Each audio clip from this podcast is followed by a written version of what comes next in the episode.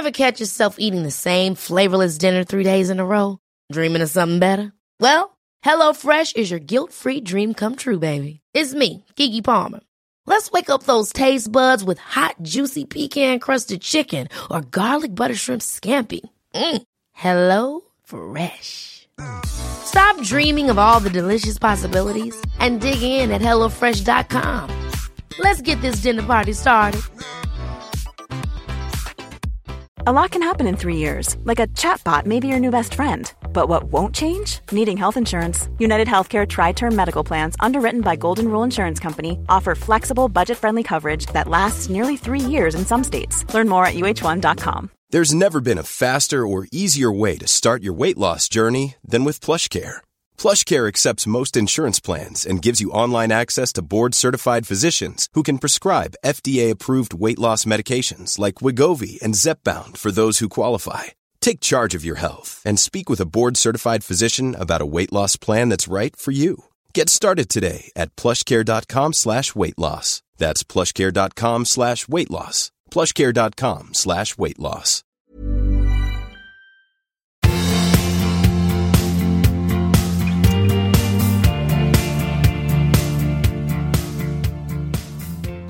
Hej allihop!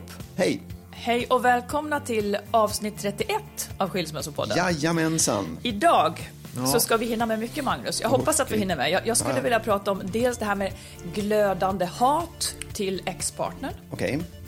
Eh, någon som lämnar en. Eh, alltså, och sen så vill jag befria alla från sex som inte vill ha sex. Eh, jag ser att du mörknar redan här, eller Nej, hur? absolut inte. Nej, nej, nej. Det är väl... Eh, prata om egoismen, att vilja skiljas. Jag är också lite så här, nu vill jag prata om bonusfamiljen, för jag tycker det håller på att spåra ur. Och sen så har vi några saker att göra upp, du och jag också. Ja, och du vill prata om att göra en paus, vet jag. Ja, exakt. Ja, möjligen. Allt ja. sitter ihop känns det som. Du, jag vill först bara höra. Ja. Vi var ju på en middag i helgen, du och Ja. jag. Och jag tycker det var så roligt. Vi var på en så kallad kunskapsmiddag som vi har ibland. Alltså att var och en har då förberett ett ämne som den ska berätta för alla andra om. Och du hade till exempel, du ville prata om bin, Ja. någon ville prata om gurkmeja för Ja. det var väldigt bra för magen. Mm. Jag pratade om Valerie Solanas som var värsta radikalfeminismen, Mm. feministen och eh, någon om narcissism, en Mm. annan om lycka och en om en som heter Johnny Bode. Ja, precis. Som gjorde Ekivoka-sånger. Men hur som helst, den här, det här avslutades med att eh, hon som pratade om lycka, hon ville att vi alla skulle lovebomba varandra en minut liksom. Mm. Eh, så att Ja, man fick en minut till varje person, Ja, så jag fick det. prata en minut om dig och Så det blev om liksom i rummet totalt då eh, 6 gånger 6 36 minuters lovebombning. Ja. Vad tyckte du om det?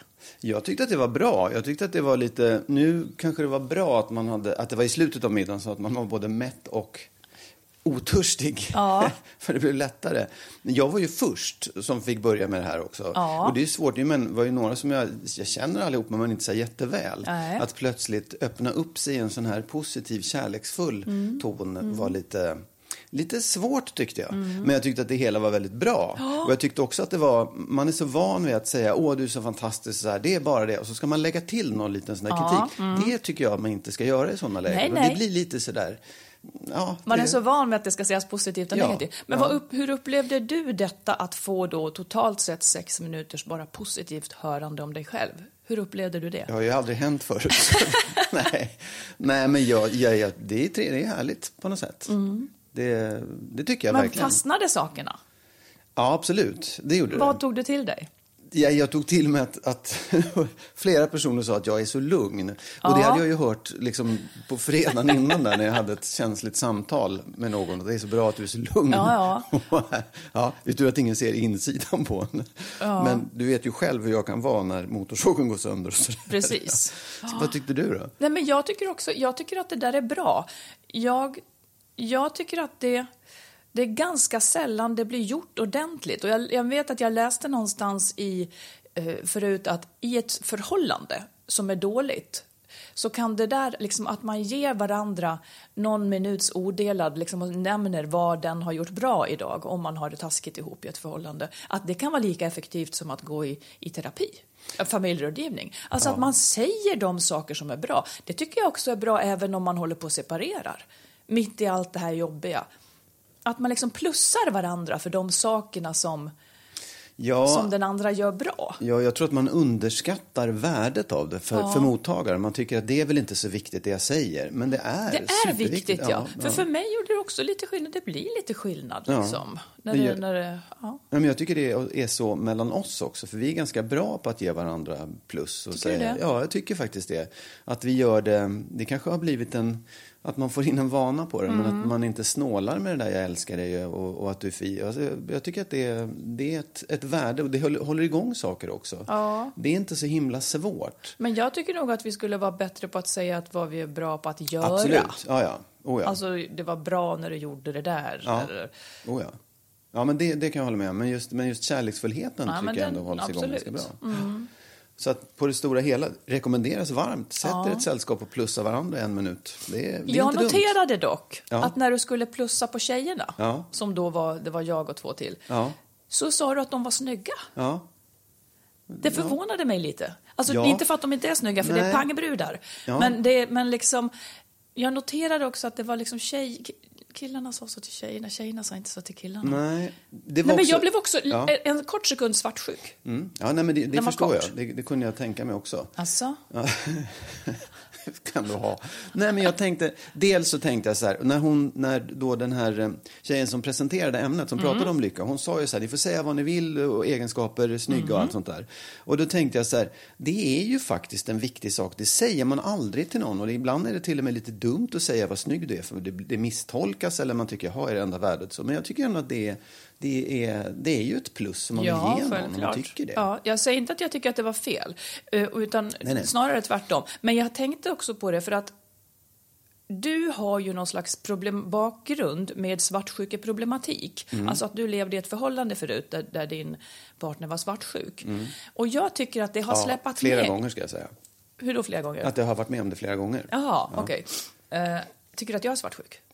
Ja, lite grann. På ett, ja, på ett lite konstigt sätt, ja. Hur? Nej, men du är svartsjuk. Du kan, du, sådana här saker, att du säger faktiskt att du blir svartsjuk när jag säger till någon mitt framför att den är snygg. Ja, ja. Och att det finns en del eh, situationer där du, där du går igång och man märker det också, att du, att du är ju svartsjuk på andra. Jag skulle säga att jag är så väldigt lite svartsjuk. Men det kan också bo i ditt huvud, eller så är det jag som jag. Men jag skulle vilja komma till det här då. För att när jag, när du och jag har till exempel på ditt jobb eller något sånt där, eller det är någon tjej som sticker ut så att jag märker, hm, där finns det liksom någon tråd dem emellan. Och då, då tänker jag, och jag tror att många tänker så, då är hon snygg. Liksom. Och då om vi råkar komma in på det, då pratar du alltid om dem som att alla är ungefär så här fula som stryker eller ser ut som någon gammal, eh, inte vet jag. Och sen när man ser dem så är de ju skitsnygga. Alltså du mörkar att de är snygga. Och då undrar jag om du gör det för att du är rädd att jag ska bli svartsjuk, för att du har det med dig sen förut. Jag erkänner det till viss del. Ja, vilken jo, del? men, ja, men det, det är klart att det, det Så tror jag att jag gör. Eh, att jag talar ner folk för att inte du ska känna dig svartsjuk. Men, Men, får jag ja. fråga, är det för att inte jag ska känna mig svartsjuk eller för att du associerar det med skuld sen förut? Nej, för att du inte ska känna dig svartsjuk. Och varför tar du den hänsynen? Nej, därför att jag tycker att det är, det är jobbigt, det är besvärligt. Ja, men då det, utgår du från att jag skulle vara svartsjuk på riktigt. Ja, Och jag menar bara att Ja. det, det befriar jag dig härmed ifrån. Tack, bra. Ja, men, Men- alltså, ja, jag men jag menar vet- att det kanske bara är ditt sätt. För det blir också konstigt när du, när du inte säger som det är. Då, det är då det kan också börja väcka. Liksom. Mm. Absolut, men då Ja. Mm. måste jag säga så här, därför att det här tror jag också är en väldigt intressant fråga. Eh, att om jag säger att den där jag, går jag inte igång på, det vill säga då tolkar du det som att jag tycker att den är ful som stryk. Mm. Nej, men det jag skulle säger jag väldigt göra. sällan ful som stryk, men det är ingenting, alltså hon är inte särskilt snygg kan jag säga. Mm. Sen kan du tycka det och tycka att hon är skitsnygg. Och det har jag märkt också, att jag kan ibland se män omkring så här som jag tycker det där var ju ingenting och så får jag veta så här, den där tycker alla är skitsnygg. Mm. Så det där vet man inte riktigt om faktiskt. Du vet inte vad andra tycker. Förstår du? Ja, eller den där är ju inte attraktiv, det behöver jag inte ha svartsjuk på. Så visar det sig att men det tycker alla andra att den där är superattraktiv. Det, det har hänt flera gånger. Så att, menar, man kan ju Mm. men om jag skulle säga så här då, eftersom du, jag upplever ändå att du pratar ner de flesta. Nu var ju det ett undantag på den här Ja, tillställningen. men finns det, finns, det någon, finns det någon som du tycker är snygg? Skulle du kunna, finns det någon? Ja, det är klart. Oh, ja. Är... Men du skulle aldrig säga det till Nej, mig varför då. ska jag säga det? Nej, för att jag skulle vilja, för att jag är nyfiken.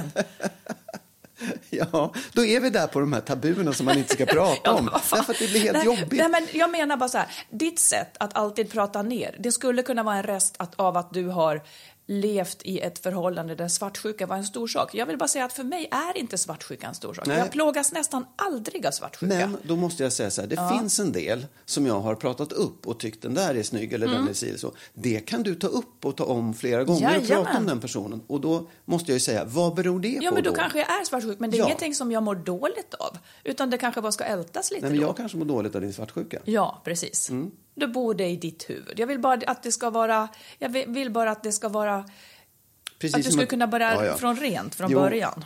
Ja, okej. Mm. Du har ju Nej, sagt jag att säga, inte... svartsjuka är ju någonting som är, det är jobbigt för den som har det, man kan säga det kan jag leva med.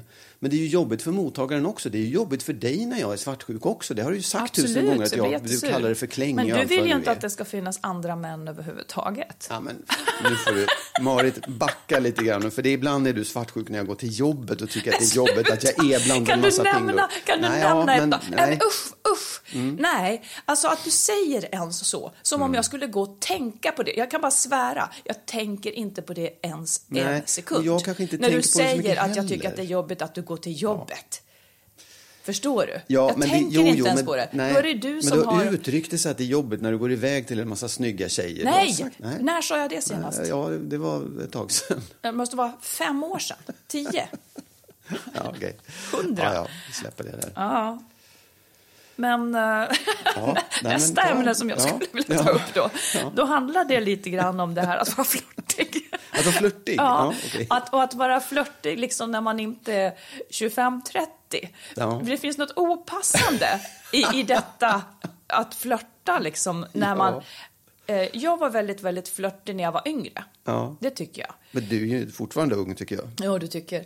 Men det är som att jag har slutat Ja. flörta så mycket. Ja. Och jag tror att jag vet precis när jag slutade också. Det var när jag var chef på en, på en tidning. De flesta var visserligen kvinnor av mina medarbetare då, men, men det fanns ju också män i loopen. Men jag kände där att nej, nu skulle det vara opassande om jag ens hade det här flörtiga sättet. Och har det då att göra med åldern? Att man liksom tycker att det blir opassande i sig att, att ens tänka att man har en kvinnlig attraktionskraft eller manlig när man liksom kommer upp i en viss ålder eller har, hade det med jobbet att göra. Alltså hur flörtar man, när, man när, man när man blir liksom vuxnare och äldre? Ja, men jag kan, del, jag Det är, kan så, det är så nära till hands att man blir patetisk. Ja, exakt. Hur precis. gör folk? Ja, jag vet. Men det är också, det är ju en, alltså, man, man upplevs ju säkert som, eh, jag säga, vad heter det? Ja, patetisk och lite desperat om man flörtar ju äldre man blir. För då förväntas man ha en partner, kanske. Ja, men lite så. Tror du att det är så? Ja, jag kanske vet det. inte, men det sen- borde inte vara, man borde inte vara i det läget, nej. Nej, och då kan man också fråga sig vad, är, vad beror flörtande på? För att i, i många, det behöver inte alltid vara så, men, i många fall så tror jag att det är liksom en, en fråga om bekräftelse. Och, och ju man vill äldre ha man, ja, och ju äldre man blir, desto löjligare blir man när man söker Och bekräftelse. varför blir man löjligare? Ja, men därför att jag tycker att man, man borde liksom klara sig själv ju äldre man blir. Man borde inte vara beroende av det där, eller behöva det där. Eller går det bara inte ihop med att man är med liksom halvflintis och, och lite fet? Går det bara inte ihop? Har du varit det? Halvflintis och lite fet. Ja, men det är väl också skillnad på män och kvinnor kan jag tänka mig. För att män blir ju verkligen löjliga. De blir ju snusgubbar om de är... Fast varför? Jag tycker inte att det är okej. Just den här åldersgrejen, att det inte ska vara okej. Att, att liksom flörta. Vad tänker du nu? Nej, ingenting. Nej, det var inget. Jag vet faktiskt inte. Det, men det, det är ju... Man... Nej, men Det är ungefär som att det skulle vara ovärdigt att vara lite äldre och singel. Ungefär som att vi faktiskt ser på det så. Att det är ovärdigt i sig att vara äldre och singel och vilja ha någon. Ja, men Som så att tror det jag är också ett att det tabu. är. Ja, men jag tror att det är så också. Därför att man, det, det är på något sätt, som jag menar, man förväntas att nu när du är så där gammal, Mm. då, får du, då ska du antingen ha ett förhållande eller så ska du vara jävligt olycklig och desperat. Ja, eller Det så ska det se ut som det att du är 35 ändå. Liksom, Ja, för då och det kan är ju också patetiskt Ja. att hålla på och liksom kämpa för att bevara sin ungdom. Det, det börjar bli jobbigt jag. Men då är det där ett tabu som skulle behöva förändras också. Ja, absolut. Oh ja. För det är ju inte klokt. Det är ju jättemånga som är, som är liksom lite äldre och singlar och, och som då känner att de behöver ligga lågt för att de vågar inte sticka ut och liksom säga hej, jag vill ha en... Ungefär som att man tänker att de tror att jag tror att jag är attraktiv. Ja. Nej, Jag håller med. Det, det, är verkligen en, en black om foten för jättemånga tror jag. Ja. man, när man då är, vilket inte är konstigt att du är singel när du är 45, 50, 60. Det är ju många Mm. nej, som är nej. Mm. det. Man, man gör slut, man skiljer sig för att, ja, av olika skäl. Precis. Och om man då inte har på något sätt rätt att vara ute på marknaden och, och ragga och flirta och hålla på. Det är ju vansinnigt. Det är ju skittråkigt. Mm. Ja, Bort med det. bort med det ja. Ja. Verkligen. Det måste jag tänka mer på. Ja. Vill du säga något mer om det också? Nej, jag måste tänka först. Okej. Jag återkommer en annan Ja. gång. Mm, säg du nu. Jo, ehm, så här, jag skulle vilja prata om, för att jag, jag, jag vet inte vad jag har sett i olika sammanhang, men så här, att ta paus i ett förhållande. Mm. Du och jag har gjort det några gånger. Du har bett att få ta paus vid ett par tillfällen. Jag kommer faktiskt inte ens ihåg det. Nej, men det var ganska tidigt. Ja, ja, så, ja, ja. så bad du att få ta paus. Eh, och jag gjorde det för ett och ett halvt år sedan. Och det var liksom så här. Jag heller inte ihåg. Nej, men det, vi, du, du saker. jobbade väldigt mycket och jag kände mig så här bara, det här, det här känns inget bra. Så jag bara Mm. kände så här, jag, jag behöver ta paus. Och för mig var pausen, jag behöver liksom, jag behöver bara en, en dygn utan att vi håller på och mässar och bråkar Mm. om saker eller frågar om saker. Utan jag behöver bara, bara ta paus. Mm-hmm. Och jag vet att du blev väldigt arg då. Du blev väldigt... Självklart. Ja, jo, men och varför blev du arg av det? Nu, om vi bara spolar tillbaka Ja. så jag försöker minnas situationen. Hade vi haft något gräl och, du ville, och sa du till mig att du ville ha en paus? Ja, jag messade och sa vi, vi kan väl pausa lite. Ja, och då visste antagligen inte jag hur länge den pausen skulle Nej. behaga pågå. Nej. Ja, men jag blir ju sur av sånt. För att, För, ja men det är en diss. Det, Ja. det går på min stolthet att någon då inte att någon avspisar mig på ett sätt som jag då... Det var kanske heller inte så att du sa Åh, jag, jag känner mig ledsen, jag skulle behöva, jag, nu skulle jag bara vilja att vi pausade i ett dygn kanske. Jag skulle nog ha varit sur då också, för det är också en diss. Men ja, men ja nej, men för mig var det så, jag behövde bara, det, det, det bara snurrade och det kändes som jag skulle fortsätta att kommunicera så, så ja, skulle det bara bli jobbigt. Och istället Mm. för att sluta skicka sms eller ringa och så här så bara sa jag, nu vi kan väl pausa lite. Det kanske var, Ja, det var det- det kanske du också skulle ha ja, reagerat det, på ja, om jag skulle jag säkert. Ja. Men jag tänker så här också då, på sätt och vis så var det där nog ganska bra ändå. För hur blev det? Jo, nej men det blev, det var ett dygn. Ja, och sen skulle vi prata om det och då pratade vi om det också. Det handlade om att jag kände mig utanför och osedd och att det, det blev liksom inget roligt när du hela tiden jobbade. Eh, nästan även när vi umgicks och Mm, i bilen fattar. och på väg ut till landet och alltihopa. Ja, det. Eh, eh, men det, egentligen handlade det bara för mig om att behöva så här, få vara lite i min egen bubbla och inte ta in dig. Mm. Eh, men, och, och då jag tänker så här, är det inte det ganska bra att göra det ibland? Att ta paus i ett förhållande? Nej, men jag tycker pauser är väl jättebra. Ja. Det, det, är det, det, men det är väldigt lätt hänt att det blir en aggressiv handling. För det, fram, det kanske presenteras ofta. Mm. Nej, nu tycker jag att vi ska ta en paus. Det här är så jävla jobbigt så nu tycker jag att vi tar en paus. Det, det blir ju lite, det är ju besläktat med att göra slut. Om, om ett par som har det taskigt och jobbigt och dåligt, när en säger att kan vi inte ha en paus? Det blir lite grann på vägen mot att göra slut. Så det är väl det bara man kanske då måste se upp med. Ja. Men det är inte så lätt att ta en paus när man bor ihop. Nej, och det var nästa fråga då. Ja. För hur gör man då? Kan man ändå säga att... För, här, för oss är det ju lätt. Vi behöver ju bara stänga av telefonen Ja. så är det klart. sen. Men för de som bor ihop, ska man så här, ta in på hotellrummet en vecka? Men det har inte folk eller? råd med. Nej, jag går vet. ju inte. Bo hos eh, Katarina då? Ja, ännu jobbigare kanske. Mormor. Ja, men det är inte så, men man har ju jobb att sköta, vardagen ska pågå. Nej, vad gör man om man inte kan flytta isär och det finns barn? Men kan man göra så här då? Att man bestämmer att den här veckan pratar inte vi om någonting. Den här veckan ska vi inte göra upp någonting överhuvudtaget. Det ska bara, eh, vi följer vårt grundschema med hämta, lämna ungar och vad det kan vara. I övrigt ska vi inte prata om några som helst problem. Mm. Så skulle man kanske kunna göra. Man bestämmer att den här veckan pratar vi inte om några problem. Gud Ja vad det, svårt. är, ja, det är också en, en, en grej då. Därför att man, jag tror ändå att, man, att irritationerna finns kvar. För det handlar ju om Mm. känslor. Det är någonting som man inte är nöjd med i den här situationen. Och situationen kommer i alla fall vara kvar. Liksom. När tyck, och hur tycker du att en paus ska gå till för att vara konstruktiv? Jag, jag, jag tycker att en paus kan vara bra om man, om, om man just känner att jag, jag behöver få vara i min egen lilla bubbla. Jag, jag kan inte, oavsett om det handlar om ett, ett så här pågående gräl eller om, eller om man känner att situationen har under lång tid pågått, liksom varit lite för jobbig.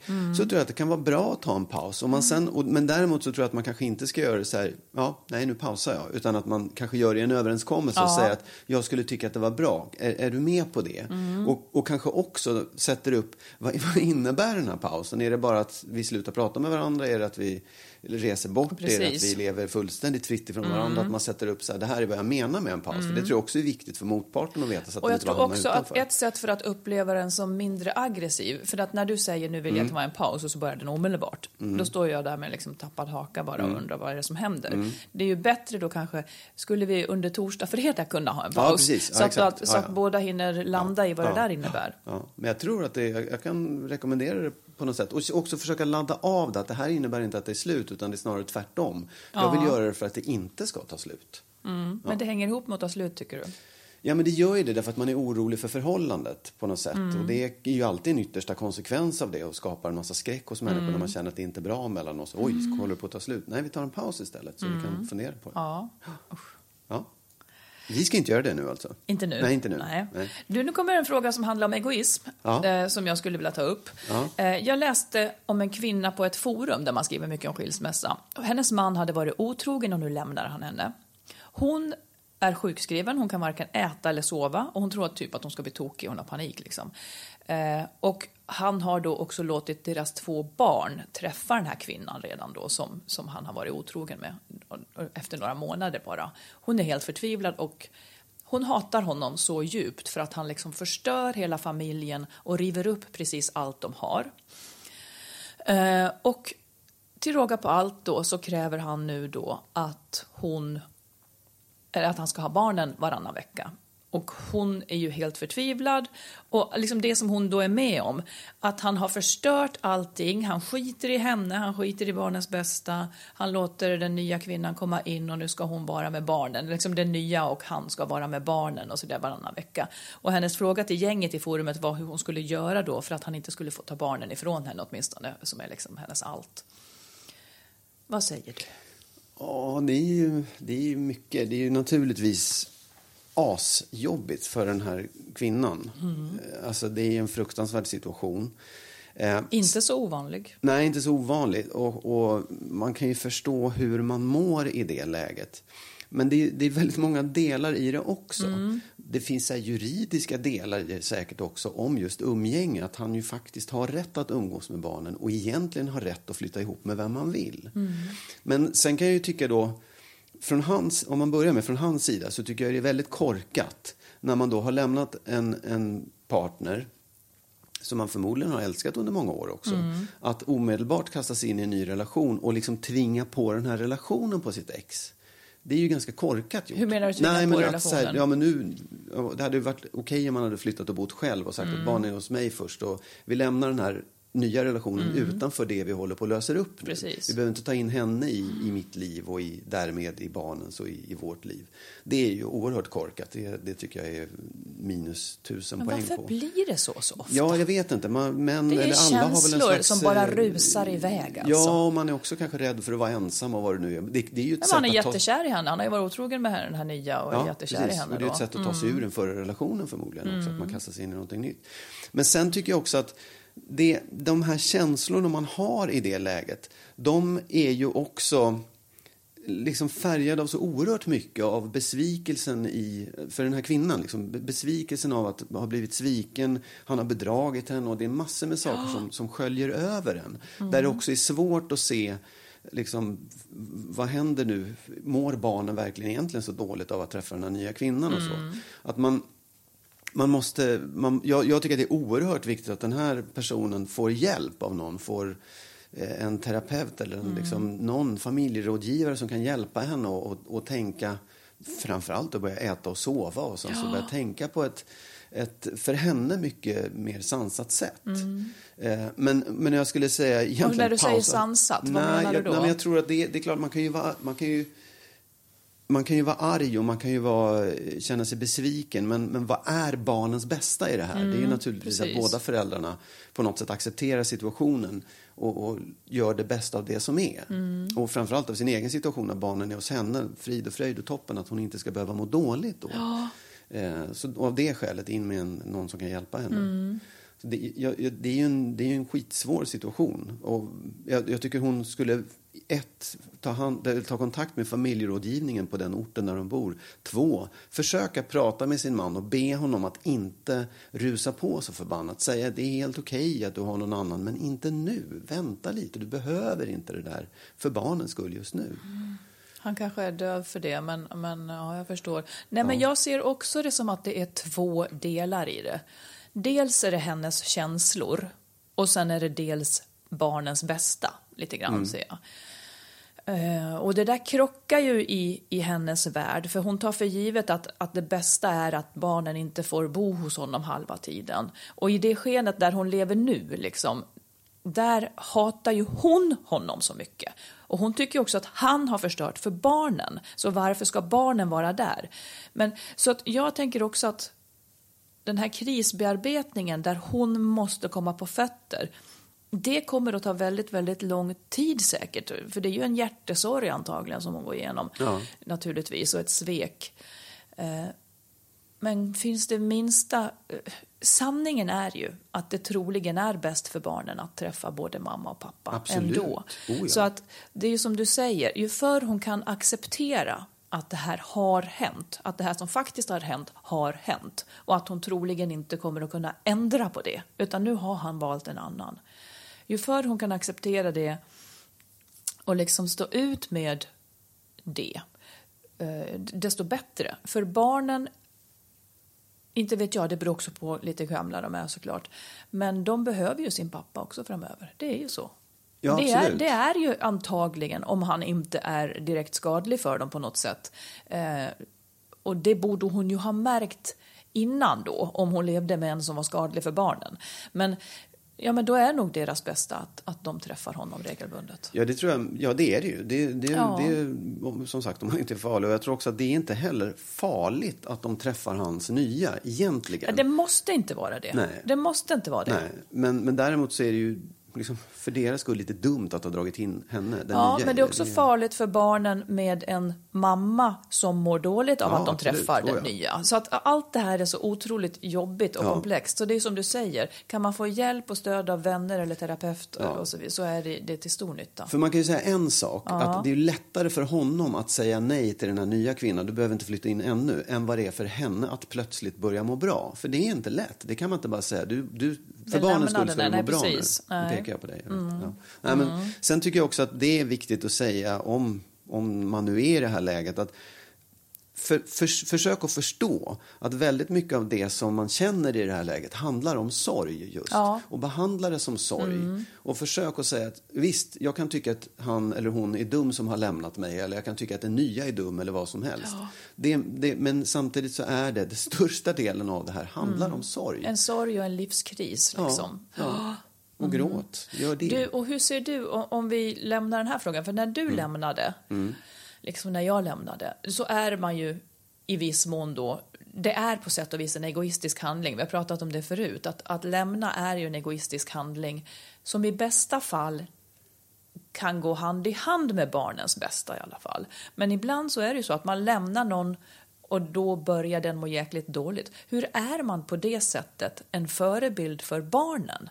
Alltså som den här pappan som lämnade kvinnan som nu mår skitdåligt. Hur ska han kunna vara en god förebild för sina barn? Ja, det är ju... Ja, det är svårt. Men, men om man... Om, hade han varit en bättre förebild om han hade stannat kvar i ett förhållande där, där ingen trivdes? Det tror nämligen inte jag. Fast de kanske trivdes. Ba- Barnen trivdes? Ja. Ja, oh ja, men han trivdes inte. Nej. Och han skulle liksom ha gått igenom det här förhållandet och varit en dålig förebild som pappa som Nej, vantrivdes. precis. Men hur, nu, nu vill jag inte höra Nej, det. nej, jag vet. Nej, men jag, vill jag, höra kommer hur. till det. Ja, Ja. mm. Och då tänker jag så här att ja, en god förebild kanske förstår också att ibland så måste man göra saker som gör andra illa för att få det bättre längre fram. Om, det här blir så här rent filosofiska diskussioner, men jag, jag tror att det är så. Men att man hur ska liksom, man prata med barnen i det läget? Och vad, ska han, vad ska man göra om man är i ett läge där man går ifrån någon som är förtvivlad? Liksom? Man ska vara jättesaklig och förklara att det här, jag och mamma kan inte leva ihop. Vi, eller vi, vi ska inte bo ihop längre. Jag vill inte det och mamma och jag har kommit överens om det i bästa fall. Eller säga att jag, jag, jag måste flytta härifrån för att annars så kommer jag inte må bra. Det blir inte bra för er heller i längden. Då tycker jag att det här att fortsätta vara en bra förebild eh, som den som lämnar är ju då kanske också att visa omsorg i alla fall om den man lämnar. Att inte vara taskig utan att stötta den så gott det bara går. Och att också Förstår du hur jag menar? Ja, nej, men absolut. Ja, ja. Det, det tycker jag är... Alltså förebildskapet fortsätter ju när man har lämnat. Ja. Såklart. Ja. Därför att då måste man ju både ta hand om dem och Ja. deras känslor och visa att man är att man vill ta hand om, Mm. om den man har lämnat så att inte den ska må dåligt. Och det är det jag menar med i det här fallet då, med den här mannen som bara sticker och flyttar ihop med någon ny och drar in henne. Mm. Han gör ju någonting som inte är smart och inte är bra och är en dålig förebild av det skälet. Ja, på sätt och vis. För att, det här, är- att skiljas, om man nu vill det, då kan man göra det så att man inte, har, så att man inte lämnar någon i chock, utan att man åtminstone har pratat om det innan så att, så att man är någorlunda i takt. Liksom. Ja. För då blir det också lindrigare för barnen. Egentligen så blir jag förbannad, nu vet man inte bakgrunden till den här historien, men jag blir förbannad när jag hör sånt här. Att, att, man är, att man tar så lite hänsyn, så att man bara liksom snabbt drar iväg och, och man ställs inför ett fullbordat faktum där det finns en ny partner och så vidare. Det är så olyckligt. Sen samtidigt så finns det så mycket skuldkänslor hos den som gör det här såklart, så att det blir lätt hänt att man, att man tar avstånd ifrån den man lämnar därför också. Ja, fast det vet man ju inte om det finns skuldkänslor. Bara, bara själva handlingen räcker ju för att det ska vara dumt. Ja, jag vet. Mm. Men tillbaka till hon då som blev så här toklämnad. Hur ska hon vara en bra förebild i det som hon nu känner? Där kanske det ändå, alltså det enda hon kan göra, det är kanske också lite beroende på barnens ålder förstås, men att förklara att jag är väldigt, väldigt ledsen av det här, Ja. men det kommer att bli bra. Jag är ledsen nu, det här blir en kris för mig, men jag kommer att må bra och jag ska se till att göra allt för att vi tillsammans med pappa kommer att liksom hitta en jättebra lösning för hur allt ska bli. Så att hon åtminstone inger barnen trygghet i det där. Ja. För, för det som händer när en förälder mår så här dåligt, det är ju att barnen inte kan hantera sin sorg över separationen, utan att de börjar också oroa sig så mycket för den här föräldern. Så att allt man kan göra för att liksom leva ut sin sorg där barnen inte är eller ser, det är ju väldigt bra. Det, är, Nej, ja. det, det, är ju, det är ju snällt emot dem. Absolut, men det, och det är också och, och ta hjälp med det här. För att man kan ju tycka att alltihopa är hans fel. Men hon Ja, måste ta ansvar nu också för Many of us have those stubborn pounds that seem impossible to lose, no matter how good we eat or how hard we work out. My solution is PlushCare. PlushCare is a leading telehealth provider with doctors who are there for you day and night to partner with you in your weight loss journey. They can prescribe FDA-approved weight loss medications like Wagovi and Zepbound for those who qualify. Plus, they accept most insurance plans. To get started, visit plushcare.com slash weight loss. That's plushcare.com slash weight loss. Hold up. What was that? Boring. No flavor. That was as bad as those leftovers you ate all week. Kiki Palmer here, and it's time to say hello to something fresh and guilt-free. Hello Fresh. Jazz up dinner with pecan-crusted chicken or garlic butter shrimp scampi. Now that's music to my mouth. Hello Fresh. Let's get this dinner party started. Discover all the delicious possibilities at hellofresh.com. Life is full of what ifs. Some awesome, like what if AI could fold your laundry? And some, well, less awesome, like what if you have unexpected medical costs? United Healthcare can help get you covered with Health Protector Guard fixed indemnity insurance plans. They supplement your primary plan to help you manage out of pocket costs. No deductibles, no enrollment periods, and especially no more what ifs. Visit uh1.com to find the Health Protector Guard plan for you. Ja, eget just det. liv. Mm. Så är det ju. Precis. Nu skulle jag vilja prata om bonusfamilj. Jaha, okej. Mm. det är ju ibland, jag tänkte på det här om dagen. du sa så här, åh kan inte du och jag ha en hund? Ungefär som att du såg framför dig att du och jag bor på landet med en hund. Och då, Ja. då säger jag direkt nej. Och Mm. då gör jag det för att jag tänker att du och jag skulle uppfostra den här hunden så olika så att det skulle kunna bli vårt vårt Undergång. fall, ja vår undergång. För du skulle vilja ha hunden i sängen Ja. och du skulle, du skulle mata den vid köksbordet. Nej, det skulle jag inte göra. Nähä. Det skulle Nej, men det skulle vara håret överallt och sådär. Men det kan inte jag göra någonting åt. Nej, men man behöver inte ha dem i sängen då. Liksom. ja, mm. Där började jag tänka på, på det, att inte ens en hund tror jag du och jag skulle klara av att ha ihop. Och då började jag tänka på, tänk hur det hade varit, eh, och då tänker jag generellt med bonusfamiljer. Eh, jag vet inte. Jag börjar tänka att det är en jättekonstig idé. Just det här idealet som många har. Jag vill bara säga grattis Ja. till alla som får Ja, ihop det. Men det här idealet som många har att man ska sammansmälta som en ny familj med två olika föräldrar från två olika håll som tar sina barn med sig in. Och många, alltså om du och jag hade gjort det, de saker som jag inte är överens med dig om, om hur man sköter ett hushåll, de sakerna har ju du fortplantat till dina barn så att ni är överens om den som Ja. jag menar oredan. Då kommer ju min irritation som nu går till dig, den skulle ju också gå till dem. Alltså hela de här systemen av, av vem man är och vad man tar med sig in.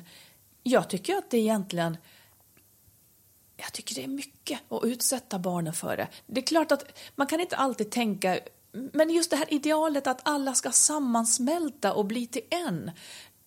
Det, det är nästan så otänkbart att det ska gå. Säg hur du tänker, eller är jag helt ute och cyklar? För det är någonting med det här projektet att det ska... Nu pratar man ju mer och mer om att det är svårt. Och det tycker jag är bra, för det måste ju vara hur svårt som helst. Men jag vet inte, kan det ibland nästan vara omöjligt kanske? Ja, men jag tror att det är så här. Att det är ju svårt, man har ju då, om man har en bonusfamilj så har man ju haft en familj innan. Ja. Och man har upplevt att det är svårt att hålla ihop det här mamma, pappa eller pappa, pappa och mamma, mamma, barn. Liksom. Att det, det är svårt att få ihop den här kärnfamiljen. Ja. Eh, då har man ändå liksom bara sina egna barn att bry sig om. Alltså då har man bara Om man sig separerar, sina, ja. ja. Innan dess har man bara haft det. Ja. Då borde man ju ha lärt sig hur fruktansvärt svårt det är att hålla ihop en sån här enhet. Ska man då Redan göra- i sin kärnfamilj i borde man ha lärt sig det. Ja. Och så ger man sig in i en ny, liknande konstellation fast ännu mer komplicerad på det sättet. Så jag, jag, tycker att man rent sådär mm, vad säger erfarenhetsmässigt borde säga nej till att liksom bilda en ny familj med nya konstiga Mm. enheter. Liksom.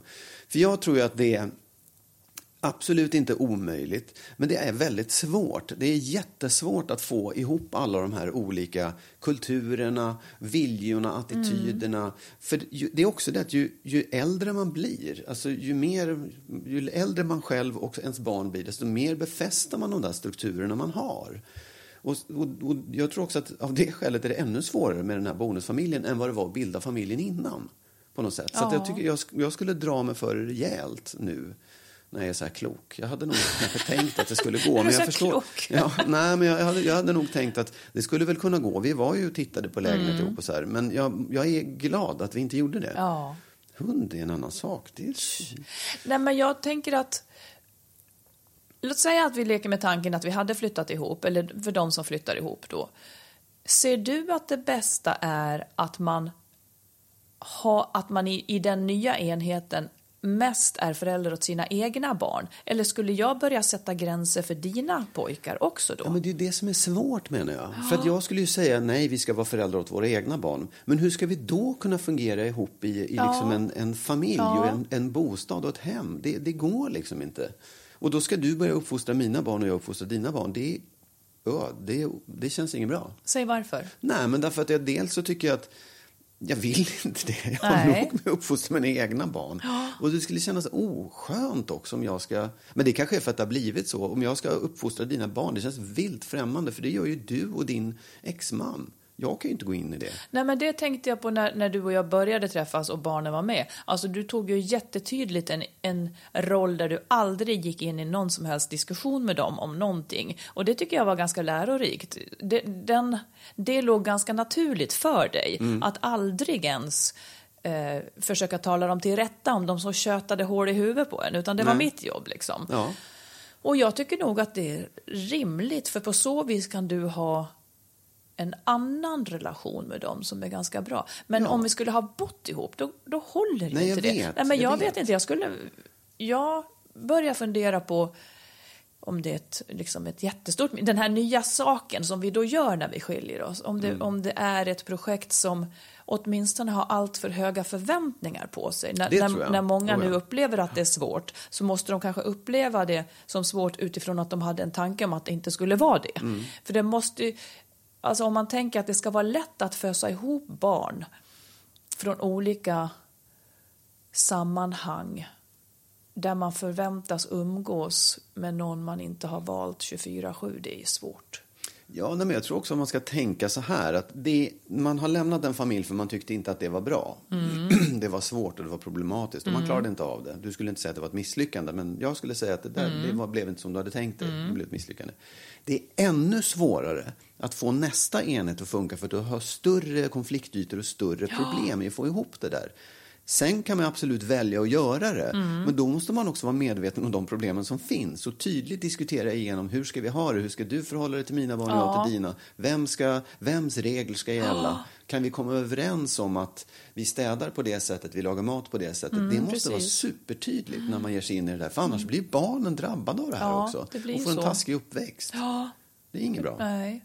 Och jag menar, kärlek måste ju få finnas. Man måste ju för fasiken kunna flytta ihop med folk om man vill då. Men, men kanske att man räknar med, man måste nog räkna med att det är en stor sak. Ja, det tror jag absolut. Eller så Och är man bara sådär härligt skön och, och, som jag jag aldrig kommer att bli. Att man bara är så här härligt skön och tycker det var mysigt och var tokigt att de bråkar. Ja, jag rycker Ja. på axlarna. Det som vara- jag är. Det, ja, ja, just det. Lite mer som du. Ja. Men till sist så skulle jag vilja höra nu. Vad, är, vad har varit den här veckans bästa och veckans sämsta i ditt familjeliv?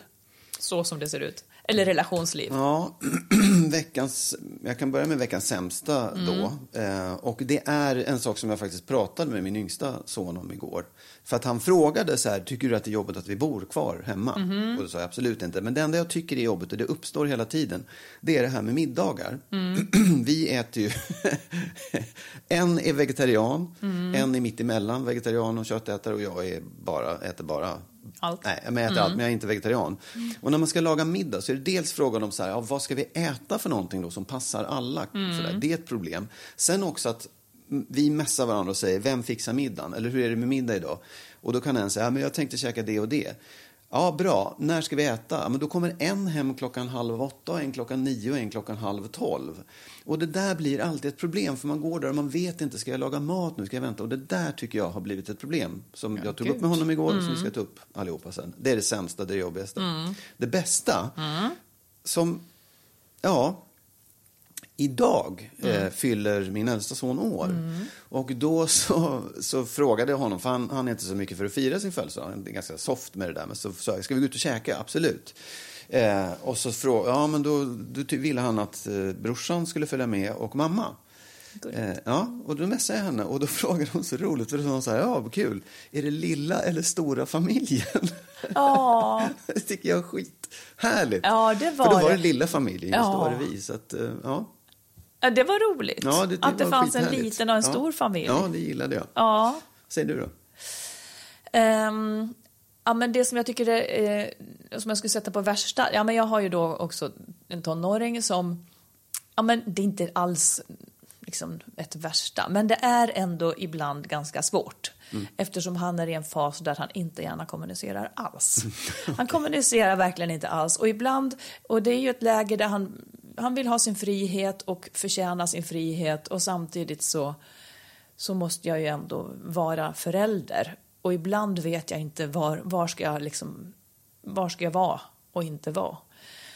Jag kan fråga honom ibland om jag ber att få en stund med honom och det gör jag ibland, att jag ber att få en stund och det får jag ju knappt men jag kan få den. Och säga, då kan jag säga precis som det är att, att jag tycker att just nu är det ganska svårt att vara förälder. Hur tycker du att jag ska göra i de här lägena när du vill vara borta så här länge och sådana där saker. Men det är ändå det är ändå något av en, liksom, en oro eller en knepig period. Att du inte får kontakt, att det inte blir... Ja, att det är så lite kontakt från att det har varit så mitt lilla socker. Ja, ja, ja, ja, ja men det är väl Det är sådär. ja, uppbrottet. Ja, precis. Ja, men det bästa, jag tyckte det var mysigt när vi häromdagen, när min syster var i stan och du och jag träffade henne på fik och så ville min exman komma förbi. Jag tycker sånt är roligt, att han Ja. ville också vara med då och träffa min syster och träffa dig och sen så hängde vi med honom lite också. Jag tyckte det var stund. jätteroligt. Ja, det blev det liksom lite, lite oväntat och lite Ja. så spontant. Det, Det är så sällan det, det kan bli det. Mm, men det tyckte jag var roligt. Med det tycker jag vi avslutar den här. Ja, nu hann vi inte med det här om sexet. Nej, när man precis. skulle besk- Ja. befria alla från sexet. Ja. Då tar vi det nästa gång. Oh, vilken cliff. Bra. Men du, ja. Tack så mycket säger vi Tack alla lyssnare. Hör gärna av er med olika tyck och tänk till oss. Vi är Info- glada för alla, alla mejl vi får. Info att skilsmassopodden.se. Bara mejla på en gång. Vi hörs snart igen. Hej då! Hej då!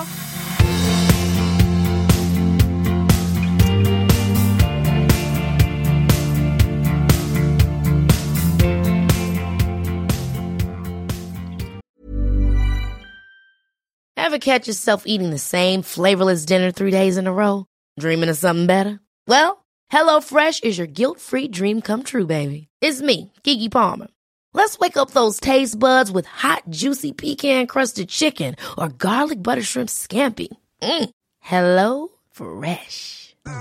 Stop dreaming of all the delicious possibilities and dig in at HelloFresh.com. Let's get this dinner party started. Imagine the softest sheets you've ever felt. Now imagine them getting even softer over time. That's what you'll feel with Bowl and Branch's organic cotton sheets. In a recent customer survey, 96% replied that Bowl and Branch sheets get softer with every wash. Start getting your best night's sleep in these sheets that get softer and softer for years to come. Try their sheets with a 30-night guarantee. Plus, get 15% off your first order at bowlandbranch.com. Code BUTTERY. Exclusions apply. See site for details. Even when we're on a budget, we still deserve nice things. Quince is a place to scoop up stunning high-end goods for 50 to 80% less than similar brands. They have buttery soft cashmere sweaters starting at $50, luxurious Italian leather bags, and so much more. Plus, Quince only works with factories that use safe, ethical, and responsible manufacturing. Get the high-end goods you'll love without the high price tag with Quince. Go to quince.com slash style for free shipping and 365-day returns.